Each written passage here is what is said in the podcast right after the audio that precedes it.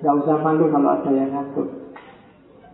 Dan tidak usah dibikin malu kalau ada temennya ngantuk, dibiarin aja. Karena ngantuk itu anugerah banyak orang yang susah tidur. Makanya biar saja syukur-syukur dengan ngaji ini mungkin untuk urusan filsafatnya kamu susah menangkap paling tidak ya manfaat bikin kamu ngantuk. Itu kan juga pahala. Oke, malam ini kita sudah nyampe sesi cinta. Kemarin hari Valentine Day itu cuma di Indonesia Valentine Day tahun ini nggak terlalu wow, kalah sama pilkada. Jadi kelihatan nggak rame. Coba nggak ada apa-apa mungkin banyak fatwa-fatwa berseliweran tentang bahwa Valentine Day itu haram. Ya nggak apa-apa lah. Kamu juga bisa bikin sendirian, nggak harus Valentine Day yang punya pacar ya tiap malam minggu itu Valentine Day. Yang nggak punya pacar ya meskipun ya sudah dipatok hari kasih sayang ya nggak ada pasangannya mau gimana. Oke, kita Valentinan sendiri malam ini. Bukan 14 Februari tapi 15 Februari. Dengan beliau seorang sufi perempuan Robi'ah al-Adawiyah Al-Basri karena dari Basrah. Al apa?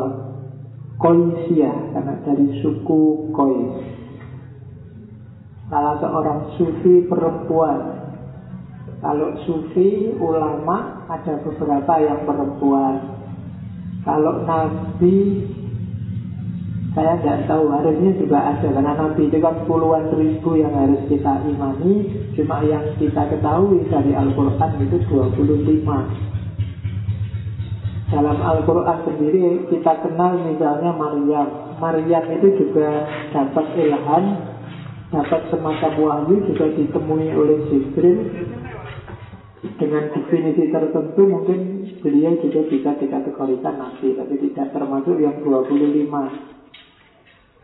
kan waktu mau mengandung Isa itu kan malaikat Jibril datang terus ngasih ilham ke beliau bahwa sebentar lagi kamu akan mengandung itu salah satu mukjizatnya.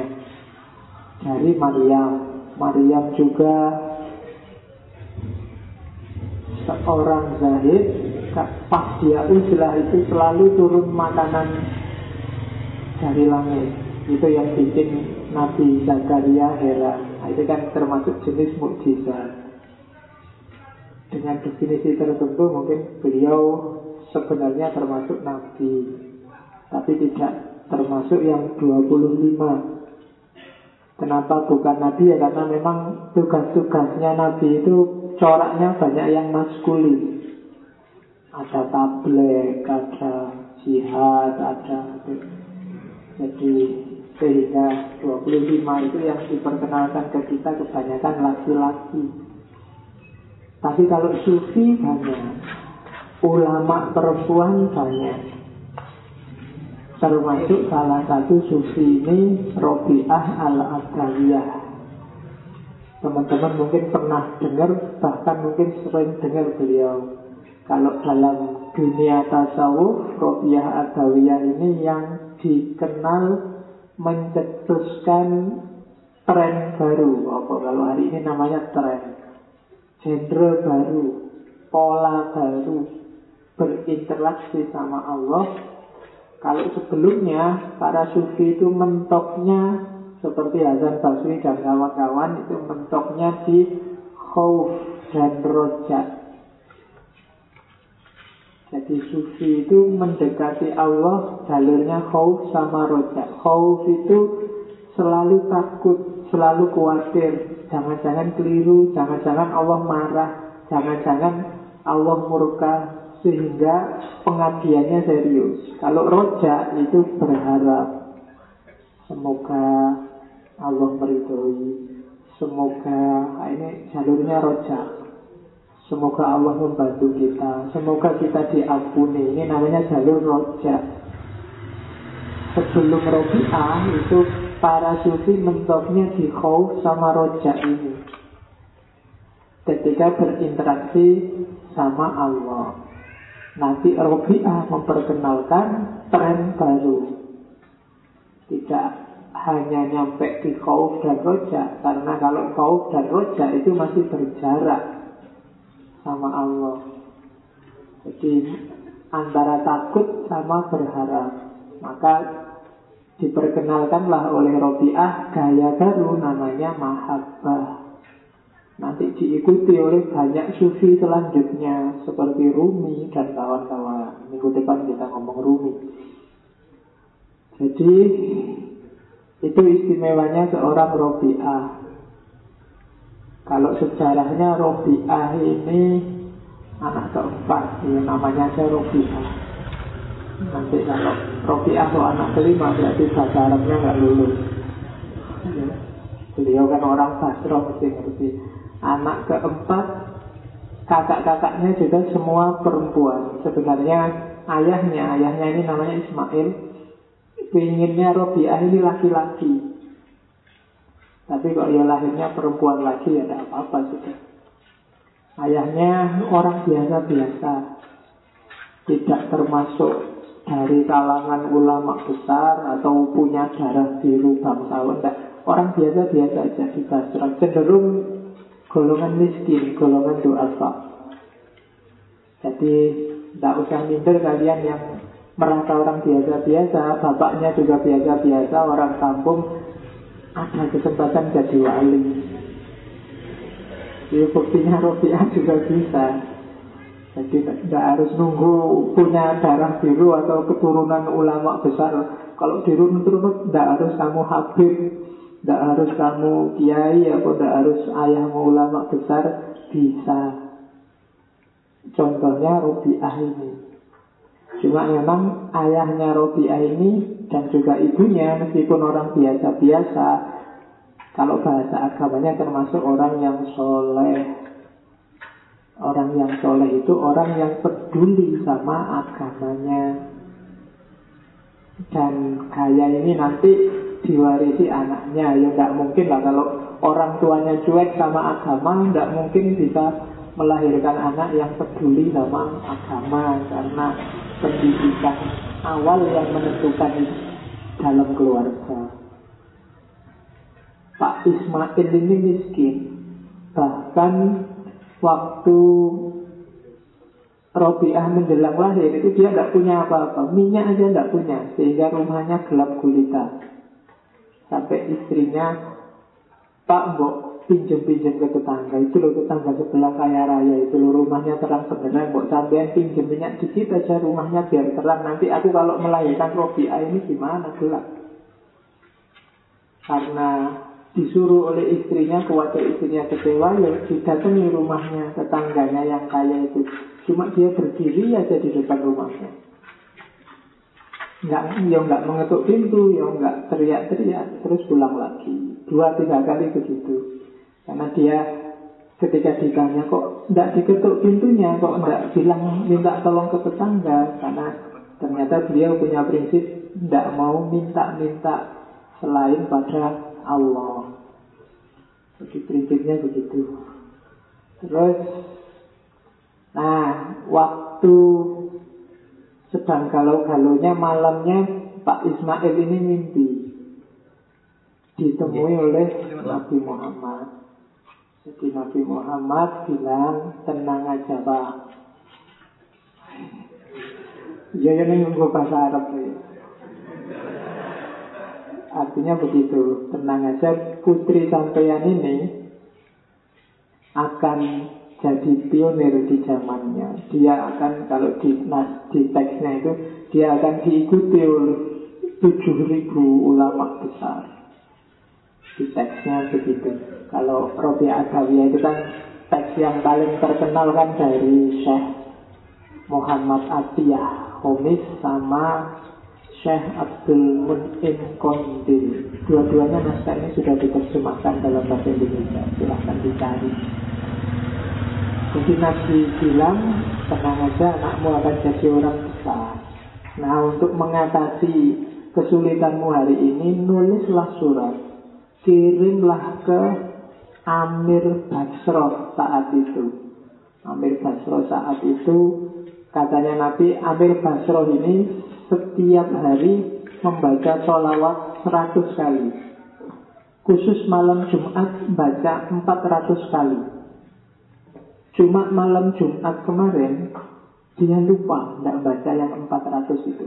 Kirimlah surat, bilanglah ada salam dari kanjeng Nabi. Kelupaanmu 400 sholawat itu gantilah dengan 400 dinar. Kasih ke yang nulis surat ini. Begitu suratnya ditulis, dikirim ke Amir Basroh, ya Amir Basrohnya kaget kok ada orang biasa-biasa di kampung ditemui kanjeng Nabi mengingatkan kelupaannya dia baca sholawat.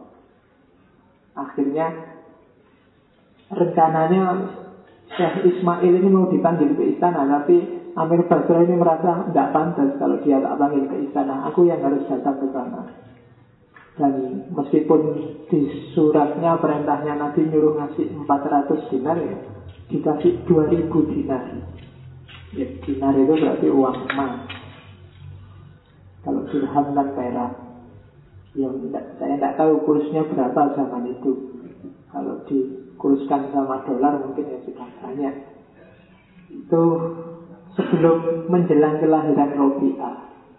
Nanti masa kecil ya biasa-biasa. Kenalnya Robi'ah sama agama ya kayak kalian ini. Dia termasuk rajin ke masjid. Oh ya beneran ini. Ya di pasar kan nggak mungkin saya bilang rajin ke kampus. Pendidikannya mesti dari masjid ke masjid zaman dulu. Jadi parameternya itu sehingga dikenal sebagai orang-orang soleh itu ya rajin ke masjidnya itu. Termasuk saudari-saudarinya. Cuma Basro ini zaman itu kemudian dilanda kekeringan hebat.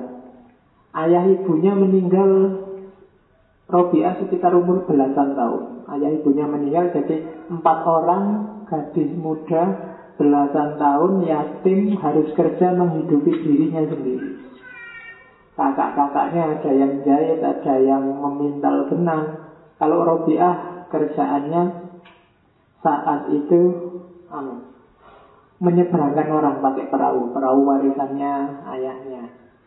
Cuma waktu Basroh dilanda kekeringan, sudah tidak ngatasi lagi kerjaan-kerjaan itu mencoba keluar daerah malamnya saat keluar daerah nyari penghidupan ini Robiah dan saudara-saudaranya diculik terus dijual sebagai budak. Nah, itu tradisi zaman dulu kan masih ada begitu. Kalau kalau hari ini menyebutnya trafficking nah itu dialami oleh Robiah. Lama beliau dari juga kebetulan dapat majikan yang galak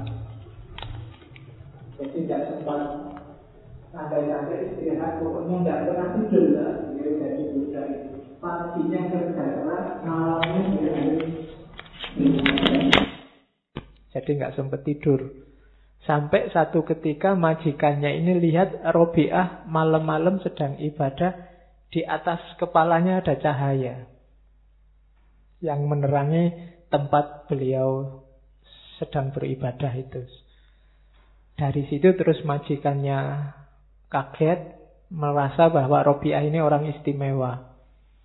Kemudian dimerdekakan, dibebaskan. Dimulailah fase baru kehidupan Robiah setelah dia dibebaskan, dia pulang kampung. Ada yang bilang sebelum pulang kampung, Robiah kerja dulu jadi seniman. Robiah ini dikenal pinter menyanyi, pinter main seruling. Tapi itu tidak lama, nanti kemudian pulang ke kampung uzlah juhud. Dan nanti dikenal sebagai sufi besar. Itu Robiah. Jadi rujukannya sufi Basroh zaman itu. Jadi sering sufi-sufi itu berkunjung ke Robiah, minta petunjuk, minta fatwa. Itu posisinya Robiah di mata para sufi. Itu sekilas riwayat hidupnya. Tidak usah tanya karomah-karomahnya. Banyak. Kamu baca buku sendiri ya. Cerita-ceritanya banyak. Satu ketika dia sama Hasan Basri, sama-sama dari Basroh, sedang ngobrol. Tiba-tiba Hasan Basri, Robiah, sholat yuk.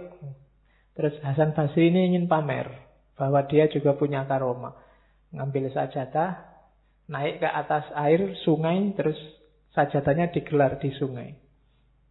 Sholat di atas itu. Tapi Robiah ketawa aja. Eh Hasan Basri kalau kamu mau pamer nanggung. Gini aja terus.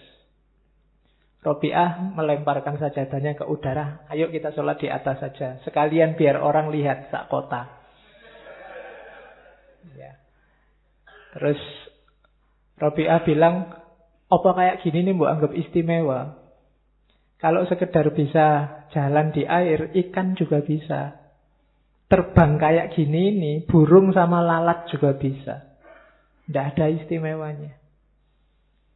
Yang istimewa adalah istiqomah kita di jalannya Allah. Itu salah satu cerita karomahnya.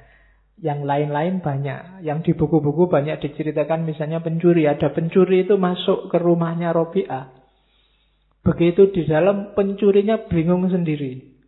Apa yang diambil? Tidak ada apa-apa di rumahnya Robi'ah. Pencuri tidak cerdas. Wong ngerti orang miskin tidak punya apa-apa. Zuhud uzlah kok dicuri. Tidak ada apa-apa. Kabarnya hanya ada kendi satu. Itu pun nggak berharga.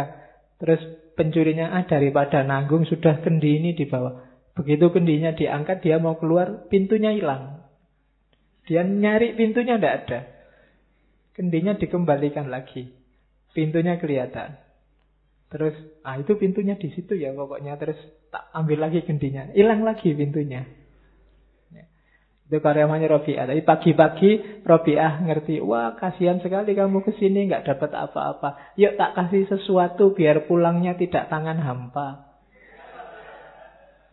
Ya, sama Robiah tidak dikasih barang, tapi diajari bermunajat berdoa pada Allah. Nanti kabarnya maling ini akhirnya jadi salah satu pengikutnya Robiah. Oke, ya Alhamdulillah malingnya di rumahnya Robiah keluarnya jadi sufi. Nah, iya kan, maling di rumahnya wali kan ya keluarnya jadi wali. Oke, kalau kamu maling di rumahnya orang kaya, ya keluarnya bonyok kamu dipukuli. Ketahuan. Oke, bismillah. Malam ini kita fokus pada mahabbah dalam dunia tasawuf. Robiah kabarnya tidak menikah. Makanya Judul kitabnya Syekh Abdul Mun'im Kondil itu kan Robiah Adawiyah Azra'ul Basroh Al-Batul. Batul itu tidak nikah. Jadi versi-versi Arab biasanya menyebut Robiah ini tidak nikah. Tapi versi Indonesia misalnya di dulu jennya Syekh Nawawi Al-Bantani itu menyebut Nabi Robiah sempat menikah. Dan saat dia menikah itu di, di dulu jen itu Robiah mempersilahkan suaminya. Kalau mau nikah lagi silakan aja bebas. Dan suaminya terus begitu dipersilahkan nikah langsung tiga. Dan Robiah tidak apa-apa, dia tetap merawat suaminya. Itu silakan yang rajin baca dulu Jen. Ya, di situ ada nanti ceritanya Robiah. Malah banyak sufi yang ingin melamar dia untuk dijadikan istri. Bahkan ada cerita khalifah, raja salah satu wilayah juga atau gubernur ingin melamar dia, tapi semua tidak ada yang diterima. Suatu ketika ada banyak orang datang, terus semua ingin ngelamar. Robiah disuruh milih, terserah milih yang mana. Ada wali, ada sufi, ada yang muda. Terus Robiah bilang, gini aja deh, saya punya empat kuis, empat pertanyaan. Siapa yang bisa jawab empat pertanyaan saya ini, silahkan saya diberi istri. Yang pertama, besok kalau saya meninggal, itu dalam keadaan mukmin nopo kafir? Susah jawabnya ya. Tidak ada yang bisa jawab. Yang kedua, besok aku kalau ditanya malaikat mungkar nakir, bisa jawab apa enggak? Yang ketiga, besok waktu diberikan buku catatan amal, Aku menerimanya pakai tangan kanan apa tangan kiri. Dan yang terakhir, besok waktu di akhirat dikelompokkan manusia jadi dua, ada ashabun nar sama ashabul jannah. Aku ada di mana? Ada di grup mana? Oh, itu kan jawabnya susah itu, tidak ada yang bisa. Memang niatin nolak. Nah, jadi bisa kalian pakai sebagai modus kalau ada yang nembak. mau nolak, ah tak kasih empat pertanyaan. Kalau bisa jawab, menikahi aku. Nah, itu Robi'ah. Ada lagi Hasan Basri. Hasan Basri ini termasuk yang ngebut pingin nikahi Robi'ah. Satu ketika sama Robi'ah dijawab begini, eh Hasan Basri, Allah itu menciptakan akal berapa bagian? Jawabnya Hasan Basri, sepuluh bagian. Sembilan dikasih ke laki-laki, satu dikasih ke perempuan. Terus Allah menciptakan syahwat berapa bagian? Sepuluh bagian juga.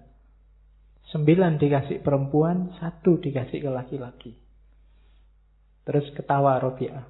Nah gimana kamu? Nafsu satu dikawal akal sembilan aja kamu pontang-panting. Aku nafsuku sembilan dikawal dengan akal satu bagian aja aku kuat. Nah, itu pelecehannya Robiah pada Hasan Basri. ya.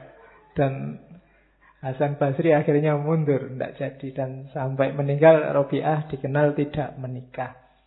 Kalau meninggal jadi waktu Robiah mau meninggal itu kan sahabat-sahabatnya Sufi pada datang, tapi sama Robiah diusir. Jangan ke sini semua itu loh. Para malaikat yang mau datang jadinya nggak bisa lewat, jadi semua disuruh semua disuruh keluar dari kamarnya terus beliau meninggal dalam usia 80 tahun. Lahir 714 Masehi meninggal 796 80 82. Oke, bismillah kita lihat apa tawaran mahabbah dari Robi'ah. Sebelum ke sana kita cek sebentar dalam dunia tasawuf, mahabbah ini sering dijadikan makom puncak. Makom paling tinggi oleh beberapa sufi. Bagi yang mau nengok ada dua kitab sufi yang bisa kita akses hari ini yang terkenal tulisannya Al-Kalabadi sama Syekh Kusyairi. Jadi seorang sufi itu memulai perjalanannya dari taubat dan akhirnya adalah mahabbah. Berarti orang yang sudah mencapai makom mahabbah itu punya semua kualitas sebelumnya. Mereka sudah tobat, setelah tobat terus zuhud, setelah itu sabar, setelah itu fakir. Fakir itu tidak butuh apa-apa selain Allah. Setelah itu tawadu, merendahkan diri, tidak sombong. Baru khauf, baru takwa, baru terus ikhlas. Setelah ikhlas syukur, setelah syukur tawakal, di atas tawakal ada ridho, terus yakin. Baru unskorp. Unskorp itu dekat sekali sama Allah. Uns itu artinya jinak. Jadi dirinya sudah terjinakkan sehingga dekat sama Allah. Dan kalau sudah begitu, bisa masuk ke makom selanjutnya mahabbah. Jadi tidak sederhana untuk jadi seorang sufi. Saya tidak tahu setiap makom itu bisa bertahun-tahun. Dan dari setiap makom biasanya nanti ada akhwal. Kalau Al-Qusairi lebih panjang. Ada tobat, setelah taubat mujahadah, setelah itu kholwat, setelah itu uzlah, setelah itu takwa, baru warok, terus zuhud, terus khauf, setelah khauf rojak, setelah rojak kona'ah, setelah itu tawakal, setelah itu syukur, baru sabar, terus murokobah, terus ridho, terus ikhlas, zikir, fakir, mahabbah. Dan puncaknya mahabbah itu syauk. Syauk itu ya kerinduan yang dalam pada Allah. Jadi sebenarnya jadi satu. Kalau sudah mahabbah ya pasti dia mengalami syauk. Itu al-Kushairi. Jadi dalam dunia tasawuf mahabbah derajatnya tinggi, makomnya tinggi. Ada yang bilang syauk itu akhwal. Kalau kita nyampe di makom mahabbah, kita akan dianugerahi oleh Allah syauk. Kerinduan yang senantiasa pada Allah. Ini makom. Dan ya pelan-pelan, step by step. Tidak usah kemaruk. Bagi yang mau jadi sufi, direntet satu-satu dihatamkan dulu per bab. Setelah tobat, mujahadah. Setelah mujahadah baru kholwat uzlah. Terus takwa. Terus warok. Terus step by step. Kadang-kadang kan kita kemaruk. Kemaruk itu saya sekaligus semuanya pak. Saya yo tobat, yo ikhlas, yo takwa. Situ alamat besok bubar mesti. Ya, jadi harus pelan-pelan yang sabar. Ya, karena menghatamkan satu aja bisa bertahun-tahun. Tobat aja kan ya tidak sederhana. Ya tiap hari kita maunya si tobat habis sholat istighfar. Tapi kan itu belum tobat. Masih mohon ampun pada Allah. Bisa ya, bisa enggak, bisa diterima, bisa enggak. Jadi belum masuk ke level makom taubat. Nanti ada syaratnya sendiri, ada rukunnya sendiri. Yang jelas, Robiah menambahkan variabel utama yang itu ada di puncaknya. Dalam tradisi tasawuf. Oke, pelan-pelan. Jenisnya, ini saya ambil dari Abu Nasr As-Sarraj. Jenisnya mahabbah yang puncak itu ada tiga. Ada orang awam, ada orang sidik, ada orang arif. Cirinya beda-beda. Makomnya semakin ke bawah semakin tinggi. Kalau orang awam itu jatuh cinta level pertama. Jatuh cinta level pertama itu selalu teringat batinnya, selalu teringat Allah, mulutnya selalu menyebut nama Allah. Dan merasa Allah di hadapannya terus dialog terus sama Allah. Ya Allah, kok gini ya nasib saya? Ya Allah, kok selalu ya Allah. Dan batinnya juga selalu teringat Allah. Itu awam. Awamnya aja sudah begitu. Di atas itu ada orang sidik. Kalau sidik, kalau di awam itu aku ada, Allah ada, terus saling berinteraksi. Kalau di sidik, aku ada, Allah ada, tapi ku utamakan Allahnya. Kehendakku, keinginanku sudahlah minggir dulu. Nah, ini orang-orang sidikin. Cita-citaku, keinginanku, hasratku, ambisiku, tidak penting. Yang penting apa yang diinginkan oleh Allah. Ini orang-orang sidik. Kalau tadi masih dialog, mungkin sekali-sekali masih mengeluh, sekali-sekali masih menceritakan keadaannya, masih memohon. Ya Allah, semoga yang jadi gubernur nanti ini. Ya Allah, semua itu kan hasrat, masih minta. Ya itu jenis cinta, cuma level awam. Di atas itu, keinginanku tidak penting lagi. Yang penting keinginannya Allah. Yang paling tinggi Akunya sudah nggak ada. Sudah. Kalau tadi akunya ada. Aku yang mengorbankan diri untuk Allahnya ada. Kalau sekarang tidak ada aku lagi sudah. Tidak ada yang mengorbankan dan dikorbankan. Semua yang ada hanya Allah. Ini levelnya arifin. Ada yang namanya arifin. Orang-orang arif. Kalau dalam Islam, dunia tasawuf, alim yang jadi ulama, dengan arif yang jadi urofa itu beda maksudnya. Kalau alim itu biasanya konotasinya ke ilmu yang bisa dikejar, ilmu husuli. Kalau arif itu biasanya irfan, ilmu-ilmu laduni.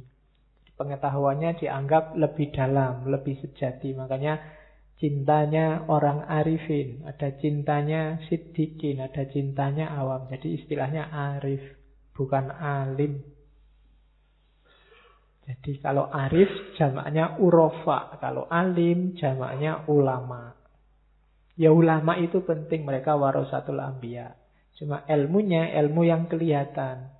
Ilmu husuli, ilmu yang dikejar, diwariskan. Kalau urofa itu ilmunya ilmu batin, ilmu laduni yang dianugerahkan langsung oleh Allah. Alim itu kayak makom. Kita yang mengejar. Kalau irfan itu kayak akhwal. Allah yang menganugerahkan.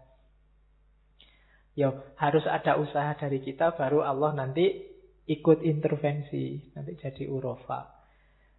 Oke, jadi jenisnya itu mahabbah itu. Kalau kita mungkin awam saja belum. Jadi kita paling masih pra awam. Ya kan, kamu kan masih belum berani bilang saya jatuh cinta sama Allah. Karep kita masih banyak. Allah masih belum selalu nomor satu dalam hidup kita. Ya pelan-pelan. Jadi hari ini kan kita selalu sibuk dengan hal-hal yang tidak esensial. Ya pelan-pelan belajar. Ngaji kayak gini, tema-tema kayak gini kan kelihatan tidak penting hari ini.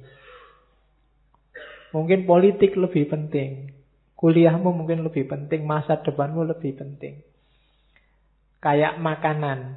Yang kayak gini ini kan semacam cemilan mungkin dalam hidup kita hari ini. Bukan makanan utama. Padahal harusnya ini makanan utamanya. Tapi jadi cemilan. Harusnya pilkada itu cemilan. Kuliahmu itu cemilan. Kamu punya uang apa bokeh itu cemilan. IP-mu 4 apa 3 apa 2 itu cemilan. Makanan utamanya harusnya yang esensial semacam ini. Cuma kita sering yang harusnya cemilan jadi makanan utama, yang harusnya makanan utama jadi cemilan. Oke, awas kebalik ya. Kita sering salah meletakkan prioritas dalam hidup. Jangan salah, ini jangan dianggap ilmu tua. Hanya orang-orang tua yang harus paham ini. Karena hidup kita sekali dan batasnya kita tidak ngerti. Tidak selalu yang lebih tua berangkat duluan. Karena biasanya yang larinya lebih cepat itu yang muda. Yang tua kan pelan-pelan, santai.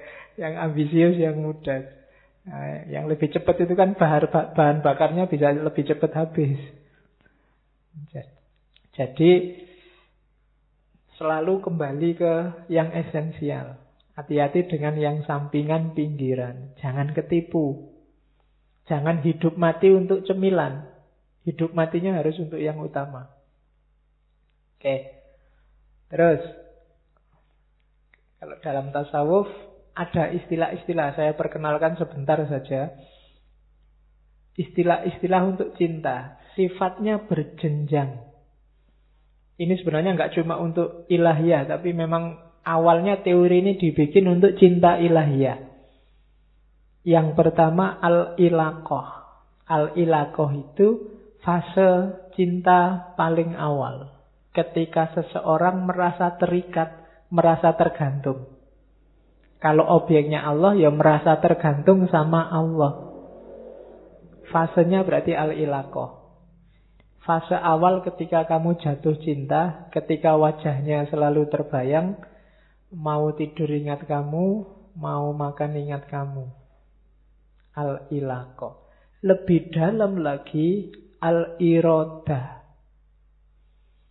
Al-irodah ini lebih dari ilaqah. Sudah mulai hanya engkau yang aku inginkan. Irodah itu kan keinginan. Itu level lebih dalam. Ada lagi yang ketiga, lebih dalam lagi namanya as-sobabah. Asobab, soba ya subuh, ketercurahan. Jiwa lahir batinmu, kamu curahkan hanya untuk dia. Itu level asobabah. Lebih dalam lagi ada al-ghorom. Ghorom itu nyala. Jadi sekarang kamu hidup demi dan hanya untuk cinta. Cintamu menyala terus. Itu al-gharam.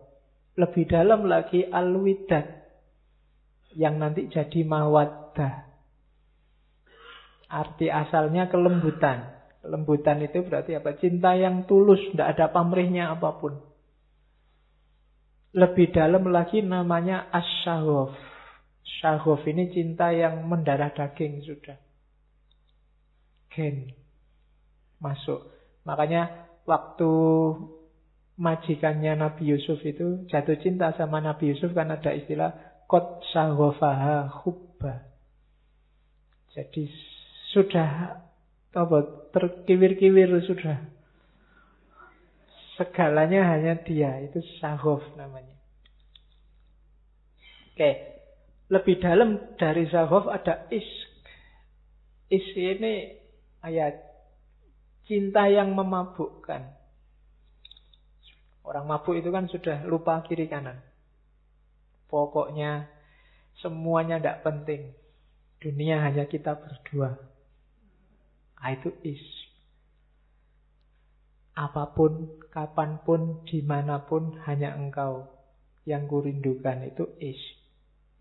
Lebih dalam dari is, tayamum. Bukan ini tidak ada hubungannya sama wudhu ya. Tayamum itu perendahan diri. Kamu tunduk, kamu takluk di depan dia. Disuruh apa pun oke okay, mau.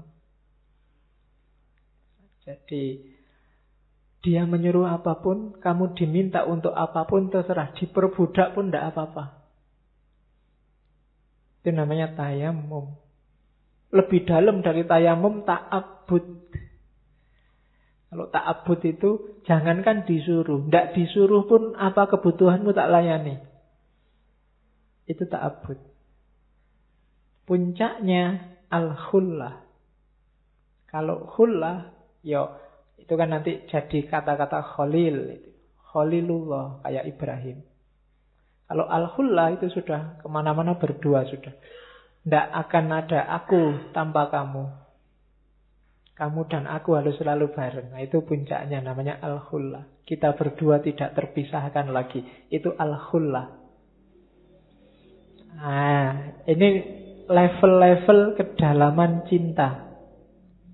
Ya silahkan kamu analisis sendiri kalau yang punya pacar atau ada yang dicintai.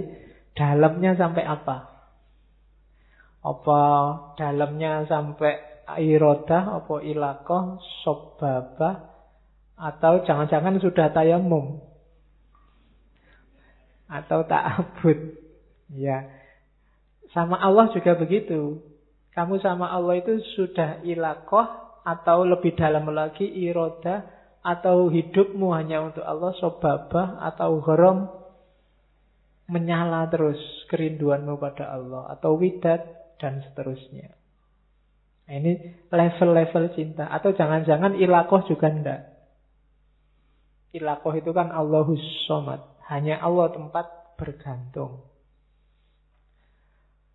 Kalau ini aja belum, ya nggak mungkin lebih dalam. Jadi yang paling awal itu kamu tidak bergantung pada siapa pun, hanya pada Allah. Kayak bapaknya Robiah tadi. Dia tidak mau minta-minta. Selain hanya pada Allah. Meskipun dia sudah sah untuk minta karena termasuk golongan orang miskin dan tetangganya kaya raya. Dan kalau minta pasti diberi. Tapi dia tidak mau minta-minta karena dia prinsipnya minta itu hanya pada Allah. Nah, itu tingkatan cinta. Dia tidak mau tergantung pada siapa pun, hanya pada dia yang dicintai. Terus, tanda cinta ilahiyah. Kalau dalam tasawuf, tadi sepuluh, tandanya juga sepuluh. Ini boleh kamu jadikan alat untuk nguji pasanganmu cinta beneran apa enggak. Tapi ini maunya cinta ilahiyah sebenarnya. Yang pertama apa? Senang kalau bertemu kekasihnya. Kalau dalam sufi sampai ke level kasyaf. Kasyaf itu terbukalah tabir dan kelihatan keindahannya. Itu kasyaf namanya. Lahirnya syahadah. Jadi senang. Jangan ngaku kamu jatuh cinta kalau sebel ketemu yang dicintai. Atau bosen. Ah, bosen ah kamu lagi, kamu lagi. Ya mesti bukan cinta itu. Apa yang lain tidak ada selain kamu. Ah, itu berarti tidak cinta. Ya. Sama temen ya tidak harus pacar sih. Temen juga begitu. Kalau kamu bosen sama temenmu, wah bosen ketemu kamu lagi. Mbok yang lain yang lebih seger. Nah itu berarti belum masuk belum masuk mahabbah. Cinta itu seneng untuk ketemu. Bahkan cari-cari alasan biar ketemu terus. Itu nggak ada apa-apa aja nyari-nyari. Kamu butuh ini nggak? Tak antar mau nggak? Tak anu mau nggak? Nah, ya. Padahal nggak minta diantar itu, ditawar-tawari. Nah, itu berarti ada kemungkinan mahabbah. Terus mengutamakan apa yang dicintai Allah atas apa yang dicintainya. Itu kalau objeknya Allah kehendak Allah duluan. Jadi kalau sama orang misalnya, kamu tidak mikir kamu suka baju warna apa, tapi pacarmu sukanya kamu pakai baju warna apa. Jadi itu mendahulukan yang dicintai daripada dirimu sendiri. Itu tanda-tanda cinta. Jadi Allah sukanya gimana? Kamu malam sih sukanya tidur. Tapi Allah suka loh kalau hambanya bangun sepertiga malam terakhir dan kamu bela-belain bangun. HP-nya kamu alarm. Begitu alarm bunyi, kamu bangun. Dimatiin lagi tidur. Ya. Ya kan Allah nyuruh bangun malam toh Pak. Ya enggak cuma bangun. Ya. Jadi kehendak Allah. Makanya kan ada cerita sufi itu Suatu ketika naik kapal di laut, ada badai. Semua orang panik kecuali Sufi ini. Tenang, tidak kacau. Waktu mbok sampai orang-orang marah. Sampai ini Sufi mbok berdoa biar badainya reda. Katanya Sufi ini. Loh kalau kalau Allah menghendaki ada badai ya biar aja. Emangnya kehendakku sama kehendaknya Allah menang siapa? Ya tetap menang kehendaknya Allah. Ya kita terima aja, enggak apa-apa. Mati kan sudah waktunya. Sakit ya berobat, kan gitu aja toh. Biar aja Allah menakdirkan. Ya nanti ceritanya justru karena karena kepasrahan ini terus yang lain juga ikut pasrah akhirnya badannya reda. Karena Allah juga tidak tega kan orang sudah wah sayang sekali padaku, ya aku juga sayang padamu. Badainya reda. Oke, jadi kepentingannya didahulukan. Terus yang ketiga, Selalu ingat pada Allah. Memperbanyak zikir pada Allah. Itu tanda-tanda cinta. Kalau cinta kok nggak selalu ingat dia, omong kosong. Berarti tidak cinta. Waduh aku lupa kalau punya pacar. Enggak, berarti enggak. Orang mungkin itu wis. Iya ya, ah, enggak, pasti enggak. Kalau cinta itu enggak, enggak pakai disuruh, pasti ingat. Terus, suka kalau berduaan. Kalau sama Allah namanya berkholwat. Munajat, munajat itu ngobrol sama Allah. Atau membaca kitabnya. Kalau kalian dapat surat dari pacar atau pacarmu ngirim WA panjang ngomong apa itu kan tidak kamu hapus-hapus. Ini WA dari dia. Padahal mungkin isinya podo.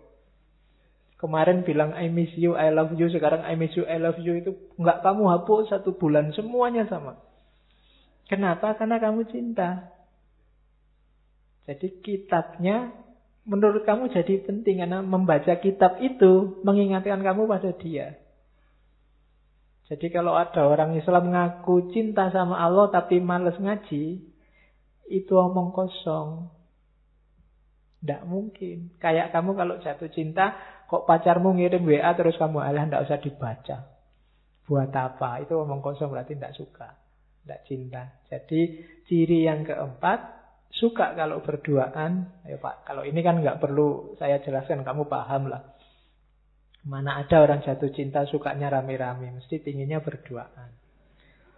Oke, terus makanya yang tidak punya pacar ya kamu toleran kalau ada temenmu baru ya.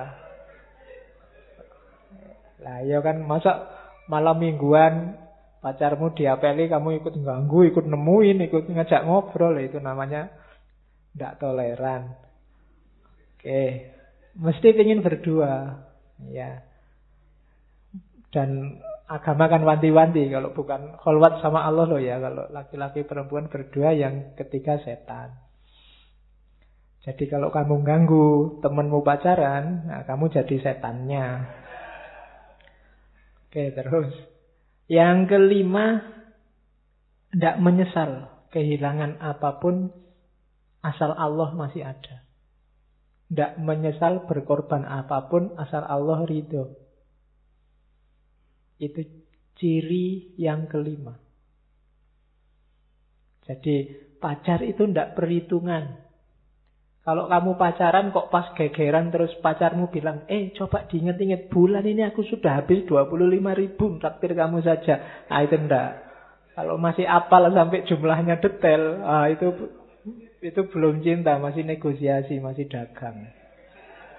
Iya, masih belum. Kok masih ingat, masih ngungkit-ngungkit, habis bensin berapa aku? Wah, wow, enggak.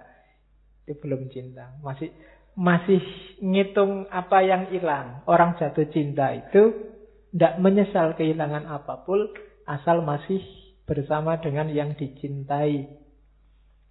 Yang keenam, menikmati ketaatan, tidak merasa berat atau keberatan.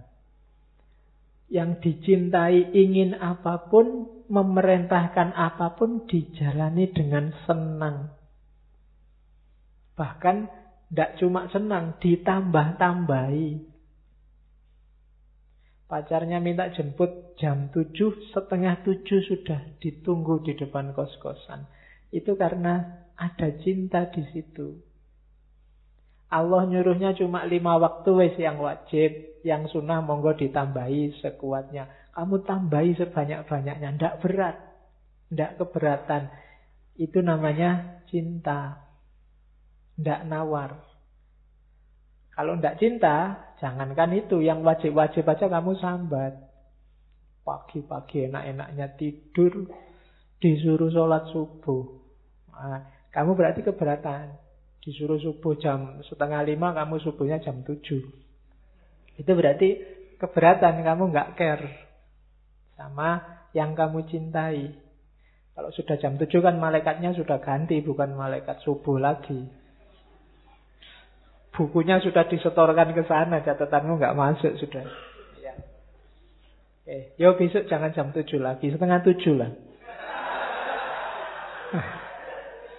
Ya kan ada peningkatan sedikit. Terus yang ketujuh, bersikap lembut dan sayang pada semua makhluknya Allah. Tidak orang yang cinta pada Allah tidak mungkin benci pada makhluknya Allah siapa pun itu. Kenapa? Karena makhluknya Allah ciptaannya Allah semua. Orang yo kayak hasil karyanya pacarmu, tindakannya pacarmu, itu kan kamu tidak berani menjelek-jelekkan apalagi tidak suka kalau nggak pingin diputus.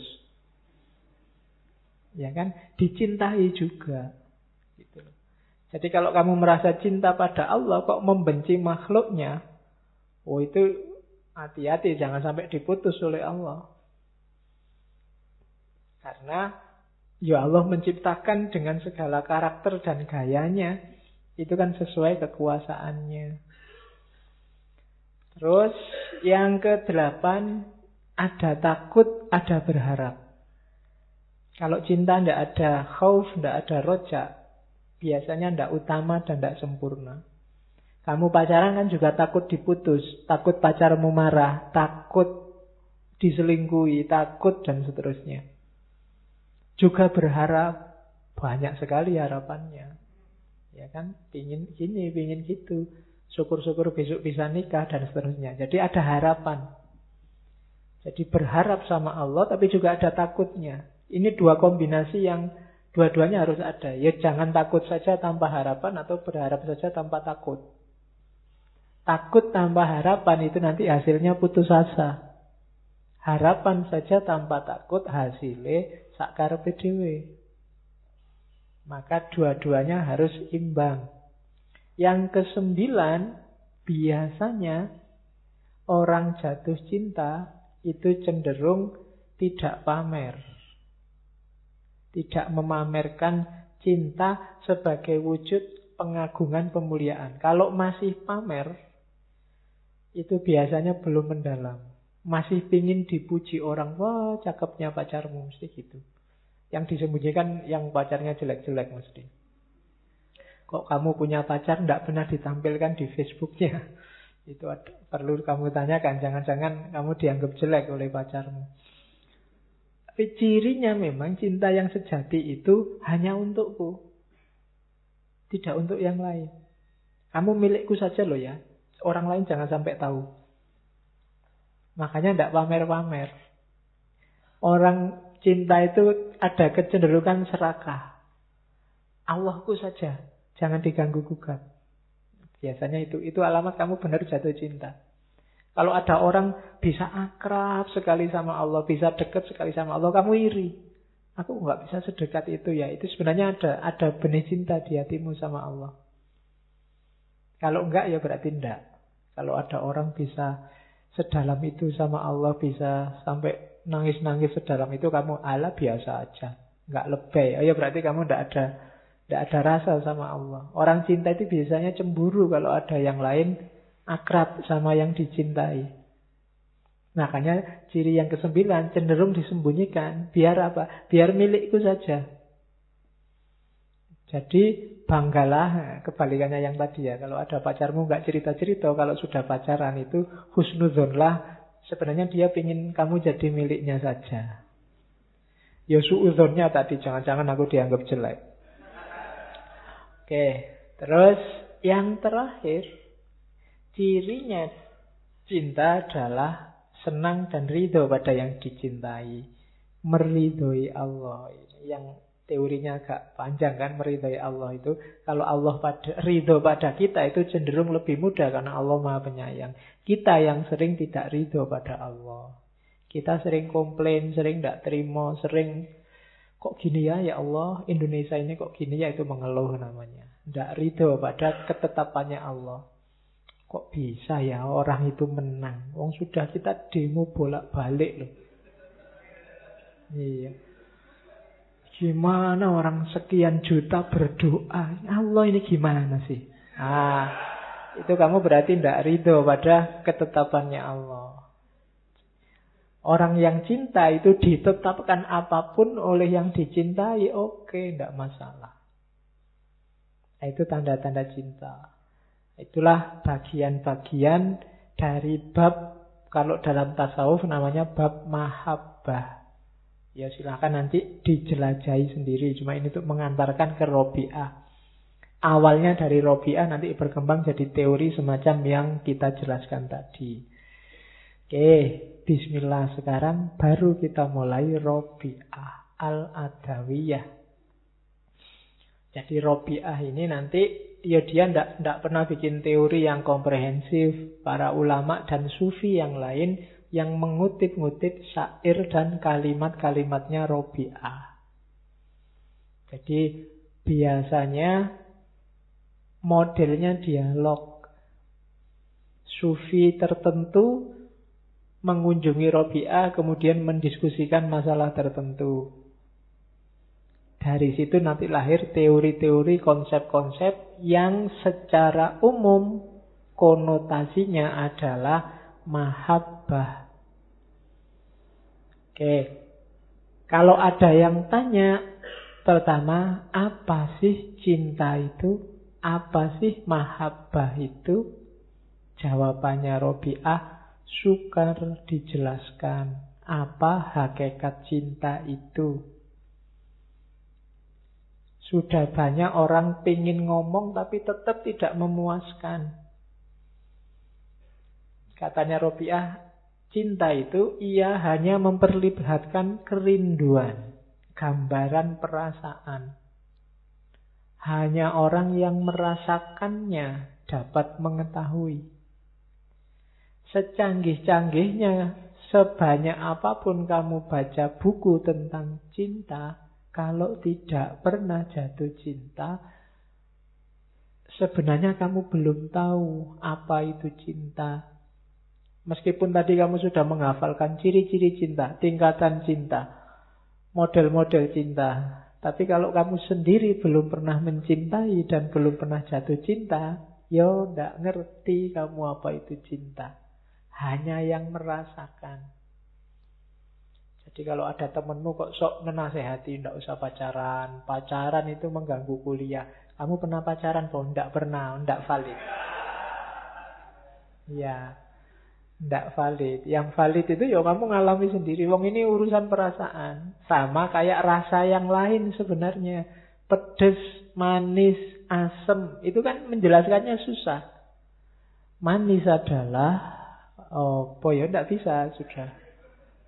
Asem adalah kalau hidupmu kamu tempelkan di ketek, ah ya susah juga ya. Asem itu apa ya? Menjelaskannya susah. Ya rasakan sendiri aja. Sama kayak cinta. Apalagi cinta ketuhanan, katanya Robiah. Kenapa? Bagaimana mungkin engkau dapat menggambarkan sesuatu yang engkau sendiri bagai telah hilang dari hadapannya. Walaupun wujudnya masih ada. Ketika kamu jatuh cinta, kamu ini ada, tapi sebenarnya sudah tidak ada. Hilang ditelan oleh yang kamu cintai. Kalau kamu sebenarnya nggak cuma sama Allah, sama duit, sama jabatan, sama itu juga begitu. Kamu masih ada sih, tapi karena kamu tergila-gila jabatan, sebenarnya kamu sudah tidak ada. Yang ada tinggal jabatanmu. Kalau kamu cinta uang, orang Jawa menyebutnya moto duitan. Itu seolah-olah kamu masih ada, tapi sebenarnya kamu tidak ada. Yang ada cuma duit aja. Kamunya sendiri hilang, ditelan oleh cintamu pada uang. Sehingga pikiranmu, perasaanmu, orientasinya selalu pada uang. Dan tidak bisa dijelaskan. Uang kamu sendiri sudah hilang. Siapa yang mau menjelaskan? Kalau cinta ketuhanan dan karena hatimu yang gembira, lidahmu bungkam. Orang yang gembira, orang yang seneng, atau kebalikannya orang yang sumpek, orang yang sedang gundah, itu kan susah ngomongnya. Suweneng sama sumpek itu sama-sama susah. Cinta juga begitu. Cinta yang sedalam mungkin itu ngomongnya susah. Benci juga begitu. Kalau kamu bencinya sudah dalam itu ngomong aja susah. Kalau masih bisa ngomong, masih bisa cerita, masih bisa, masih belum sebenarnya. Tapi kalau sudah memang sangat dalam. Kalau kamu mantul sama orang kan, Ih, karena cuma gitu aja kamu. Menceritakannya susah. Sama kayak kamu suka sama orang. Disuruh menceritakan, gimana sih? Sedalam apa sih cintamu? Gimana ya? Pokoknya dalam lah pak, susah pokoknya. Sehingga kadang-kadang dipakai metafor-metafor. Sedalam lautan, setinggi gunung, macam-macam. Gunung pun kudaki, lautan ku seberangi. Itu kan metafor. Kenapa? Susah dijelaskan. Jadi, tidak usah ada pertanyaan apa itu cinta. Jalani saja. Itu maunya Robi'ah ketika ditanya. Ya kalau gitu ciri-cirinya deh. Ya kalau cirinya, katanya Robi'ah, antara lain ini loh. Yang pertama, yang namanya cinta itu biasanya tidak ada jarak antara yang mencintai dan yang dicintai. Yang pertama, kalau masih ada jarak, masih ada aku dan kamu.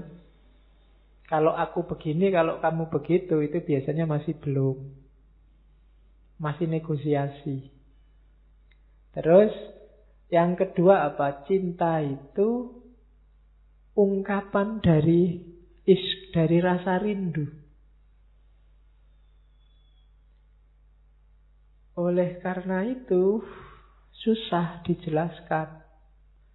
Hanya bisa dirasakan. Yang bisa memahami yang merasakan. Barang siapa menuturkan, ia sendiri tidak dapat dituturkan. Sama kayak tadi, bagaimana engkau menuturkan sedangkan engkau sendiri lenyap di hadapannya. Lebur dengan wujudnya, sirna karena menyaksikannya, dalam kondisi sehat engkau di, mabuk dibuatnya. Oke. Dengan memusatkan perhatian kepadanya engkau jadi mantap. Dengan bersenang-senang dengannya engkau jadi sedih. Kebalikannya ya.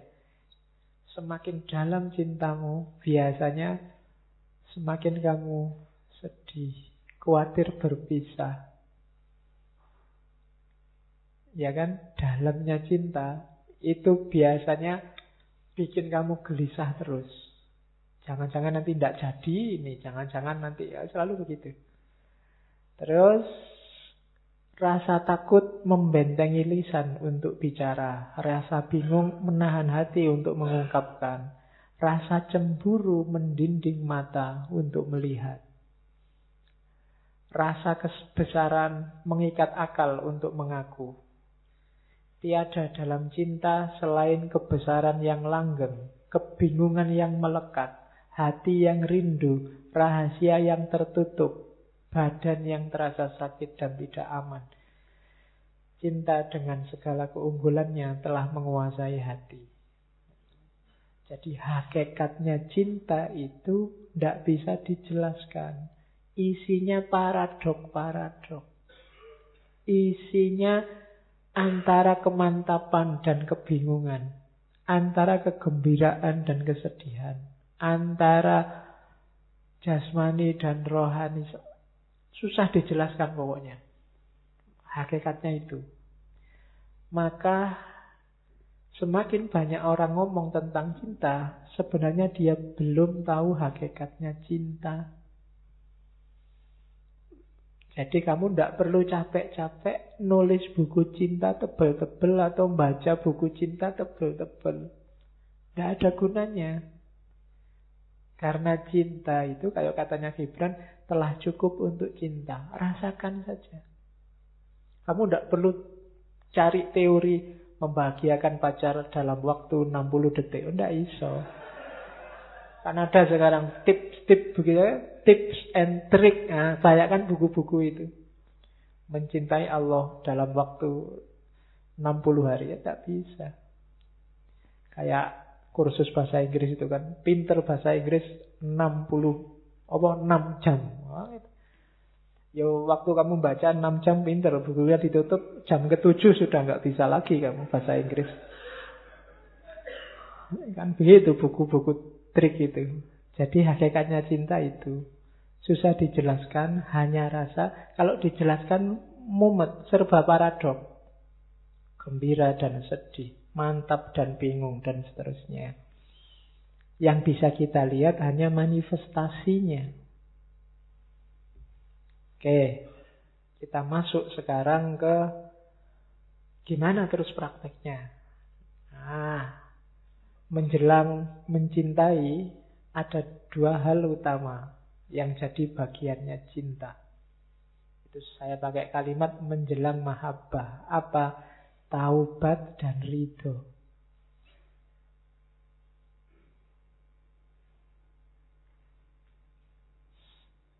Jadi tidak mungkin kita bisa cinta pada Allah kalau kita bermaksiat, melanggar perintahnya Allah secara sengaja. Kalau kita masih melakukan hal yang dibenci oleh Allah dan kita sadar itu dibenci, berarti kita belum cinta. Kalau Allah tidak suka kita maki-maki orang, dan kita sadar kalau kita itu maki-maki orang yang tidak disukai oleh Allah, berarti kita relasi kita sama Allah belum cinta.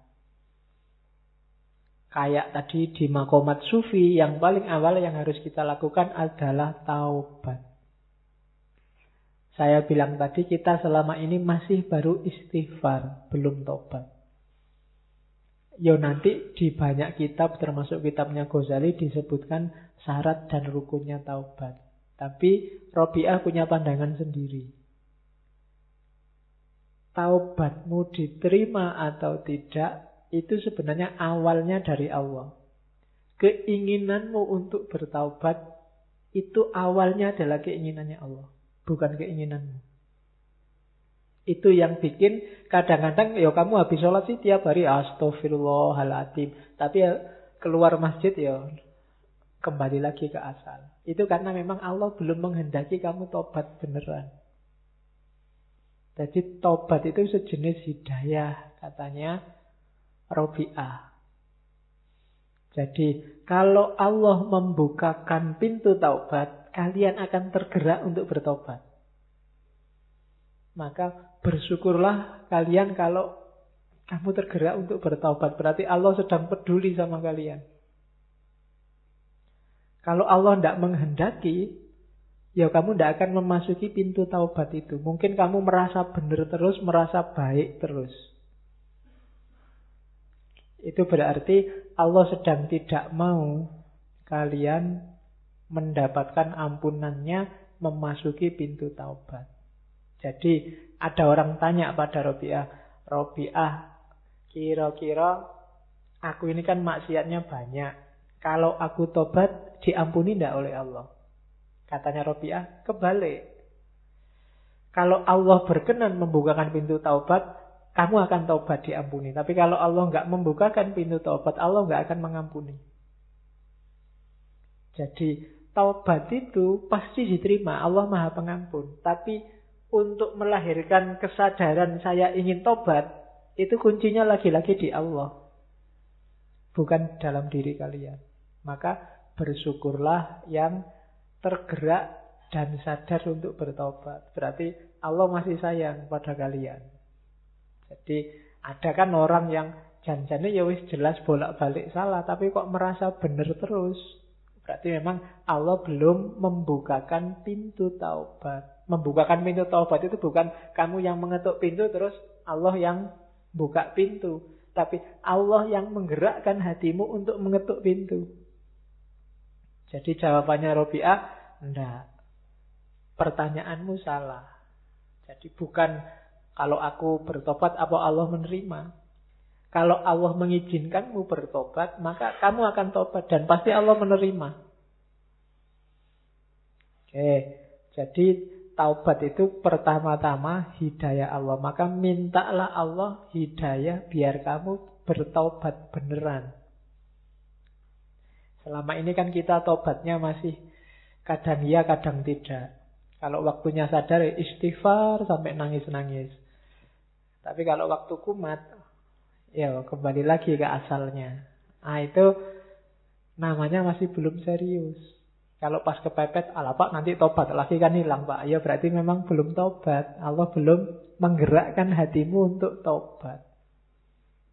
Oke, jadi syaratnya untuk bisa mencintai ya memang membersihkan diri. Jalur pertama tobat. Jalur kedua apa? Ridho. Ridho kayak tadi ya. Ridho itu bukan kamu minta Allah meridhoi, kalau ini kebalikannya tobat. Kalau tobat, mintalah Allah akan menggerakkan hatimu bertobat. Kalau ridho, jangan minta Allah meridhoimu. Allah itu sangat sayang padamu, pasti meridhoimu. Tapi engkaulah yang ridhoilah Allah dengan segala ketetapannya. Jadi ini teorinya dibalik-balik oleh Robi'ah.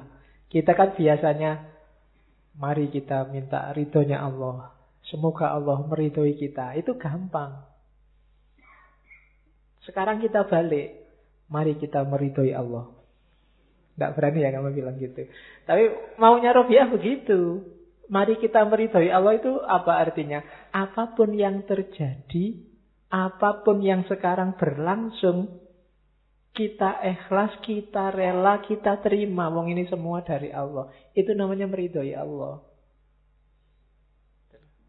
Jadi doanya bukan semoga Allah meridhoi kita. Kalau itu pasti. Tapi semoga kita bisa meridhoi Allah. Kita bisa rela dengan semua ketetapannya Allah. Kita tidak komplain. Kita tidak tidak terima dengan keputusannya Allah. Kita tidak merasa galau dengan segala ketetapannya Allah. Nah, itu namanya ridho pada Allah. Rodiyallahu anhum wa anhu. Jadi Allah meridhoi mereka dan mereka juga ridho pada ketetapannya Allah. Nah, ini teori kedua. Jadi kita selama ini konsepnya agak terbalik. Kita merasa tobat itu dari kita, kalau ridho dari Allah. Kalau di Robi'ah, kebalikannya. Tobat itu dari Allah, kalau ridho dari kita. Nah, cuma ini harus dijelaskan agak panjang. Kamu jangan nanti khutbah Jumat tiba-tiba ngomong ini. Tidak dijelaskan asal-usulnya. Jadi maksudnya tobat itu dari Allah. Kalau Allah menggerakkan hati kita untuk bertobat, kita akan tobat dan pasti diterima oleh Allah. Kita meridai Allah itu berarti kita rela dengan semua ketetapannya Allah tanpa komplain, tanpa mengeluh. Oke, jadi sebelum mahabbah dua hal ini harus ada. Menjelang mahabbah. Oke, kalau ini sudah ada, kita tumbuhkan rasa cinta. Masih menjelang mahabbah apa? seraplah segala yang mungkin membuatmu jatuh cinta sama Allah. Nanti ini kalau di Ghazali lebih jelas. Kalau di Ghazali, Ghazali kan di Ihya itu bilang, apa sih yang membuat kamu jatuh cinta? Kalau kamu bilang, yang cantik-cantik pak. Yang maha cantik itu Allah. Jadi harusnya yang paling kamu cintai Allah. Saya suka dengan yang baik-baik pak. Loh, yang maha baik, paling baik di alam semesta ini Allah. Siapa lagi kalau bukan Allah yang paling baik? Harusnya kamu jatuh cinta sama Allah. Saya mungkin perempuan, saya suka yang maco-maco pak, yang kuat pak. Lu yang paling kuat dan kuasa itu Allah. Harusnya kamu jatuh cinta sama Allah. Saya suka yang indah-indah pak. Yang paling indah itu Allah. Harusnya juga kamu jatuh cinta pertama-tama sama Allah. Nah, itu Ghazali. Jadi menyerap keindahan dan keagungan Allah. Hasilnya pasti cinta. Kalau di Robiah kan ada syairnya. Jadi Tuhan semua yang aku dengar di alam raya ini. Ocehan burung, desir dedaunan, gemercik air di pancuran, nyanyian burung bersahutan, hembusan angin, suara halilintar, dan suara kilat yang berkejaran. Kini kusadari sebagai tanda bukti atas keagunganmu dan sebagai saksi abadi atas keesaanmu. Juga sebagai kabar bagi manusia bahwa tak satu pun ada yang menandingimu dan menyekutuimu. Jadi ini ketik ini sebenarnya sair ini muncul ketika Robiah merasa galau. Aku ini termasuk wanita solihah, kok pekerjaannya main seruling dan menyanyi. Jangan-jangan Allah tidak suka ini, tapi setelah dia mendengarkan alam semesta, melihat ke keindahan alam, dia sadar bahwa ah ternyata bunyi-bunyian, termasuk segala keindahan yang lain itu justru menunjukkan keberadaan Allah. Mulailah dia jatuh cinta sama Allah, serulingnya ditinggalkan, nyanyinya ditinggalkan. Bukan karena seruling dan nyanyi mungkin menurut dia sesat, tapi karena dia mulai jatuh cinta sama Allah. Kalau sekedar suara kan diam dia. Alam semesta ini isinya penuh dengan suara. Kalau suara seruling itu dianggap sesat, berarti semua suara yang lain juga bisa. Ada suara halilintar, suara burung ngoceh, suara kalau suara itu sesat. Cuma Robiah tidak karena itu dia meninggalkan serulingnya, tapi karena dia tergetar menyerap keindahan dan keagungan Allah. Kalian yang belum bisa menangkap keindahan dan keagungannya Allah susah untuk jatuh cinta sama Allah. Tadi saya bilang, yang paling baik kan Allah, yang paling indah kan Allah. Tapi kan karena pikiran kita selama ini terbiasa indah dan baik itu yang fisik dan materi, untuk jatuh cinta pada Allah yang tidak fisik dan materi itu agak susah. Kamu lebih suka jejer artis yang seksi, yang wow, daripada Allah yang susah membayangkan bentuknya, yang karena kamu terbiasa materi. Harusnya kalau kita sejak kecil tidak dibiasakan hanya menyerap yang materi-materi, kita lebih mudah untuk mengagumi kuasa Allah dan jatuh cinta sama Allah. Ya mulai latihan. Kalau di sufi kan ada latihan melihat kehadiran Allah dalam segala sesuatu. Oke, menjelang yang kedua, kemampuan kedua. Terus yang ketiga, ini syairnya yang paling terkenal mencintai Allah itu dua dimensi. Itu kan kalau Arabnya dulu saya apal karena skripsiku tentang cinta. Uhib buka hubbaini. Hubbal hawa wa hubban li'annaka ahlun lidhaka. Fa ammal lagi hubbal hawa Fasyuhli binikrika amman siwaka Wa ammal hubban bi annaka ahlun lahu Fakashfuka liyal hajbu hatta aroka Sudah lama apalannya Zaman saya S1 Tahun berapa itu ya? 98 jadi katanya Robiah, aku mencintaimu dengan dua cinta. Bukan dua cinta itu cintanya jumlahnya dua, tapi cintanya dua dimensi. Dimensi pertama apa? Cinta karena diriku, yang kedua cinta karena dirimu. Cinta karena diriku itu apa? Ya karena aku selalu sibuk mengingatmu.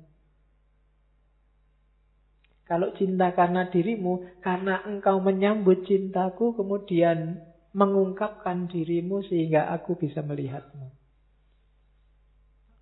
Itu berarti aku dan engkau sama-sama dalam cinta yang satu. Jadi cinta kita ini dua dimensi katanya Robiah. Karena aku dan karenamu. Dari sisi aku, Aku menuju dirimu lewat kesibukanku mengingatmu dan engkau menunjukkan dirimu padaku. Nah, cuma selanjutnya baik untuk ini maupun untuk itu pujian bukanlah bagiku. Bagimulah untuk bagimulah pujian untuk semua itu. Jadi Apakah ini aku yang mengingatmu selalu atau engkau yang membukakan dirimu padaku? Ini semuanya skenariomu dari dirimu. Jadi yang layak dipuji, kalau ini baik itu hanya engkau, bukan aku. Kalau aku sekarang jatuh cinta padamu, ini semua jasamu, bukan jasaku. Beda dengan kita cinta sama lawan jenis, kita cinta sama orang tua. Itu kan aktornya kita. Tapi dalam cinta ketuhanan ini, hanya Allah yang ada. Jadi pujian hanya layak bagi Allah. Yang layak dipuji itu hanya engkau, bukan aku. Itu jadi cinta itu melibatkan dua dimensi, dimensi aku yang mencintai dan engkau yang dicintai. Cuma dua dimensi ini sebenarnya hakikatnya skenario dari engkau yang dicintai yaitu Allah. Maka yang layak dipuji hanya engkau ya Allah, bukan aku. Jadi maksudnya Robiah, aku tidak akan membangga-banggakan bahwa ini loh aku sufi, mencintai Allah. Kalau berdoa nangis-nangis, jamaah aku nangis kabeh kalau dengerin aku doa. Tidak begitu. Yang layak dipuji hanya engkau dalam kisah cinta ini, bukan aku. Nah, itu maksudnya Robiah dengan dua dimensi cinta. Terus, nah, manusia katanya Robiah, kenapa sih harus masuk ke Allah lewat cinta? Karena hanya lewat jalur cintalah kita bisa membuka hijab yang merintangi kita sama Allah. Jadi katanya Robiah, Allah menutup hati makhluknya dengan hijab yang halus. Para ulama terhalang karena keluasan ilmunya. Para zahid terhijab karena amalnya. Dan para hukama tak, man, tak mampu menembus karena kehalusan hikmahnya. Jadi kesibukan dunia kita itu adalah ujian dari Allah yang menghijab kita justru dari Allah. Jadi Allah menguji cinta kita padanya itu dengan hijab-hijab ini. Sehingga kadang-kadang kita terlena oleh hijab-hijab ini. Pandangan kita tentang Allah terhalangi. Kita ngerti tentang Allah dari ilmu kita. Akhirnya kita dalam tanda petik menyembah ilmu kita. Kita memahami Allah dari buku-buku filsafat. Kemudian kita konsepkan Allah sesuai filsafat kita. Dan konsep itulah yang kita sembah. Kita tidak merasakan Allah, tapi kita mempertuhankan konsep kita tentang Allah. Itu yang dikritik oleh Robi'ah. Itulah hijab. Kita harus menghilangkan hijab-hijab ini. Kita rasakan langsung Allah. Kan sering ya teman-teman mengkritik, jangan-jangan yang kita sembah bukan Allah. Tapi konsep kita tentang Allah mungkin memang begitu. Resepnya Robi'ah, maka jangan berhenti di konsep. Alami dan rasakanlah Allah dalam hidupmu, Para ulama sering terhijab oleh ini, oleh ilmunya. Orang-orang zahid kadang terhijab oleh amalnya. Fokusnya hanya pada sholat malamnya loh, saya ngaji tiap hari loh, saya fokusnya ke situ. Seolah-olah kalau sudah itu sudah selesai. Kalau para hukama, hukama ini ahli fikih, ahli hukum, terhijab oleh hikmahnya. Para filosof itu juga terhijab oleh hikmahnya, terpesona oleh keindahan konsep-konsepnya. Sehingga terhalang dari Allah. Maka jadilah orang arif kayak tadi saya jelaskan. Orang arif yang pengetahuannya lewat rasa, intuisi, langsung nyambung dengan Allah. Kalau kita langsung nyambung sama Allah, nanti Allah akan menempatkan kita dalam cahaya cintanya. Relasinya namanya mahabbah. Tidak lagi berjarak. Tidak terhijab oleh konsep. Tidak terhijab oleh amal. Tidak terhijab oleh hikmah.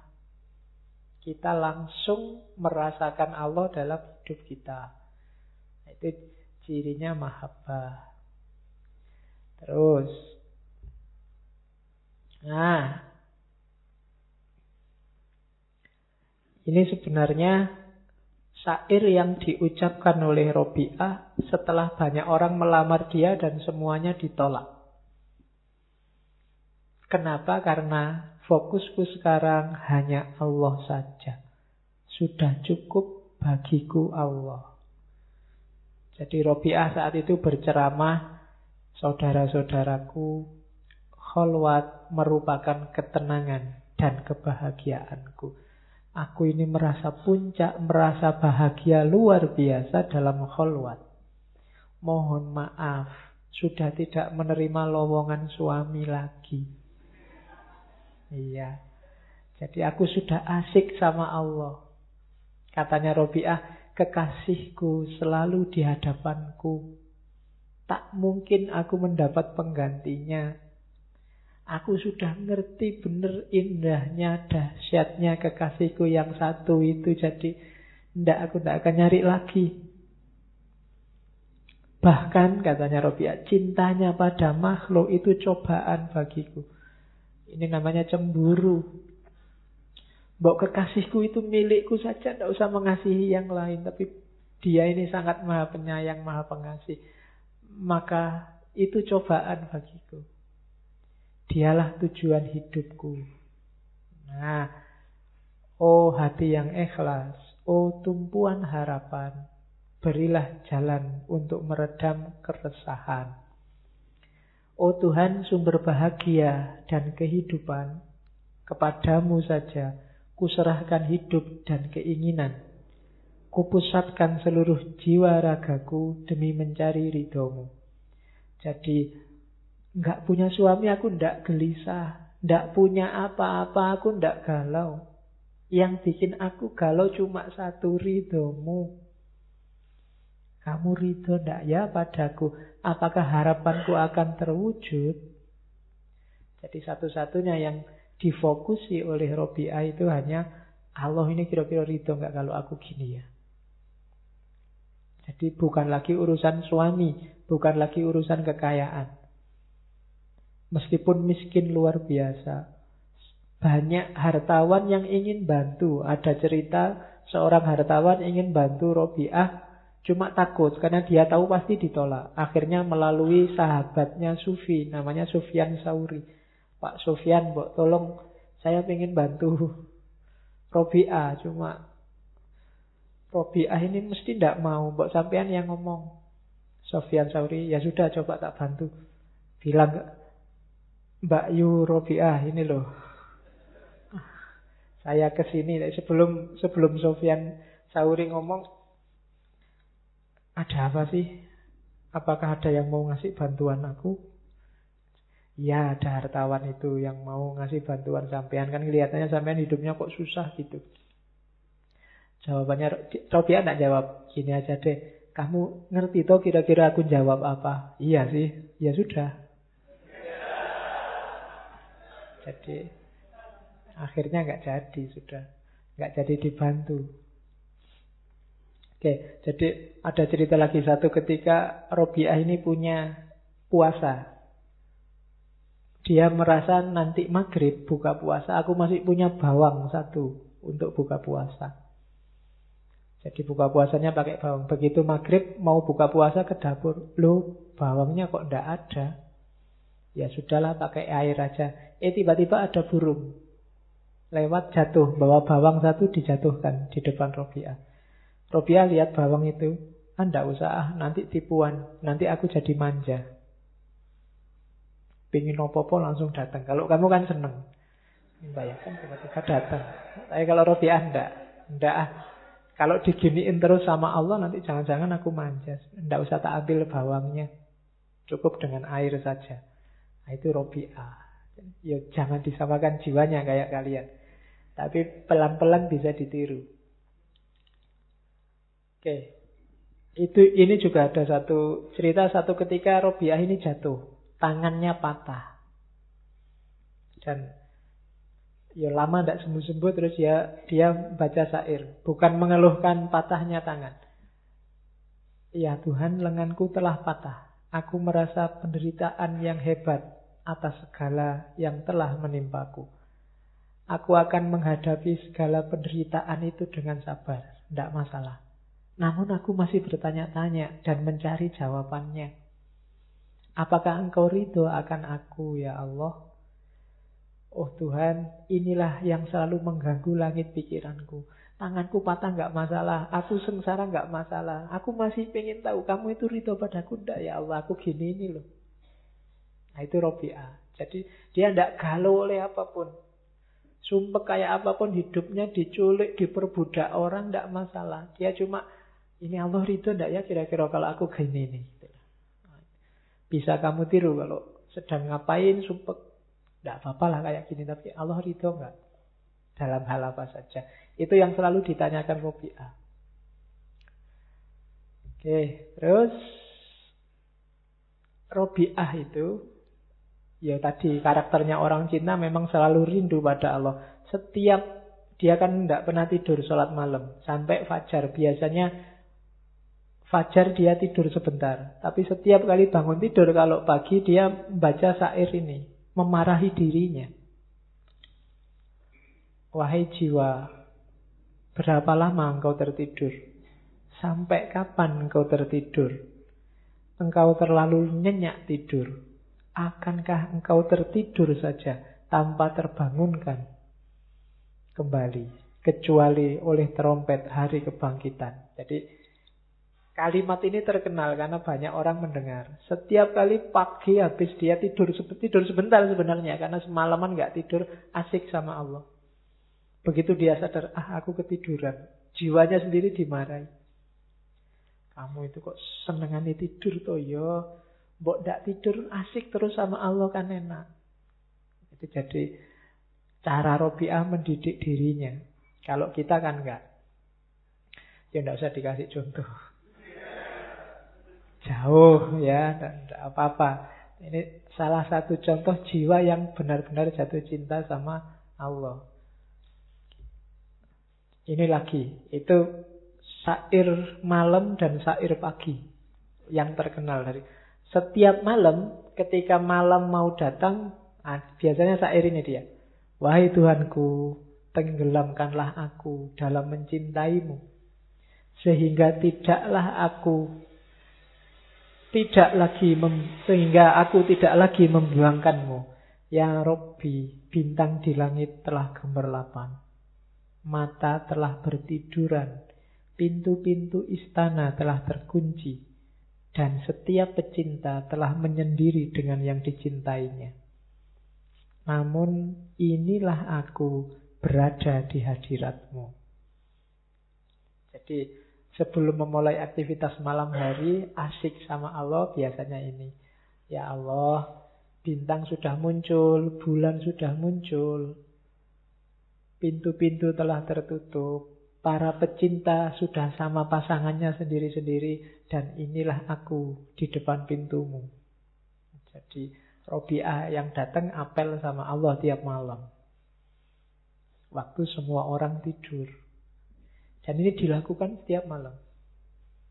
Jadi asik sama Allah. Biar aja yang lain sama yang dicintainya masing-masing. Biar aja semua pintu tertutup. Pokoknya hanya engkau yang aku inginkan. Yang aku rindukan. Setelah semalaman begitu, terus pagi. Pagi hari, sair ini yang dia baca. Tuhanku, malam telah berlalu. Dan siang segera menampakkan diri. Aku gelisah Apakah amalanku engkau terima hingga aku merasa bahagia, ataukah engkau tolak sehingga aku merasa gelisah? Demi kemahakuasaanmu, inilah yang akan aku lakukan selama engkau memberi aku hidup. Sekiranya engkau usir aku dari depan pintumu, aku tak akan pergi, karena cintamu telah memenuhi hatiku. Jadi kalau pagi dia bermunajat sama Allah, ya Allah, malam sudah selesai. Sekarang siang telah datang. Amalanku semalaman tadi engkau terima apa enggak ya? Tapi aku akan selalu begini. Aku akan selalu di depan pintumu. Kamu bukakan pintu apa enggak, aku akan ada di sini. Kamu sambut atau tidak, aku akan ada di sini. Karena aku sudah terlanjur jatuh cinta denganmu. Nah itu Robi'ah. Jadi 24 jam hidupnya hanya untuk Allah. Kerinduan yang tiada henti pada Allah. Terus, ya ini syair yang lain. Ku jadikan engkau teman bercakap dalam hatiku. Tubuh kasarku biar bercakap dengan yang duduk Jisimku biar bejengkrama dengan handai tolanku. Isi hatiku hanya tetap engkau sendiri. Ya, biar aja fisikku ketemu orang lain ngobrol. Jasadku ketemu tetangga-tetangga, ketemu sanak saudara. Tapi hatiku tidak akan ke mana-mana, hanya bersamamu. Nah itu Robi'ah. Terus buah hatiku, hanya engkaulah yang kukasihi. Ampunilah para pendosa yang datang ke hadiratmu. Dia tidak mendoakan dirinya. Mendoakan selain dirinya. Kalau ada orang berdosa datang kepadamu, ampuni saja. Tapi aku tidak akan mohon ampun. Karena engkaulah harapanku, kebahagiaan dan kesenanganku. Hatiku telah enggan mencintai selain dari dirimu. Jadi Engkau marah padaku, tidak apa-apa. Asal jangan pergi dari aku. Nah, itu Robi'ah. Sama Allah. Terus. Ya kelihatannya kok berat ya.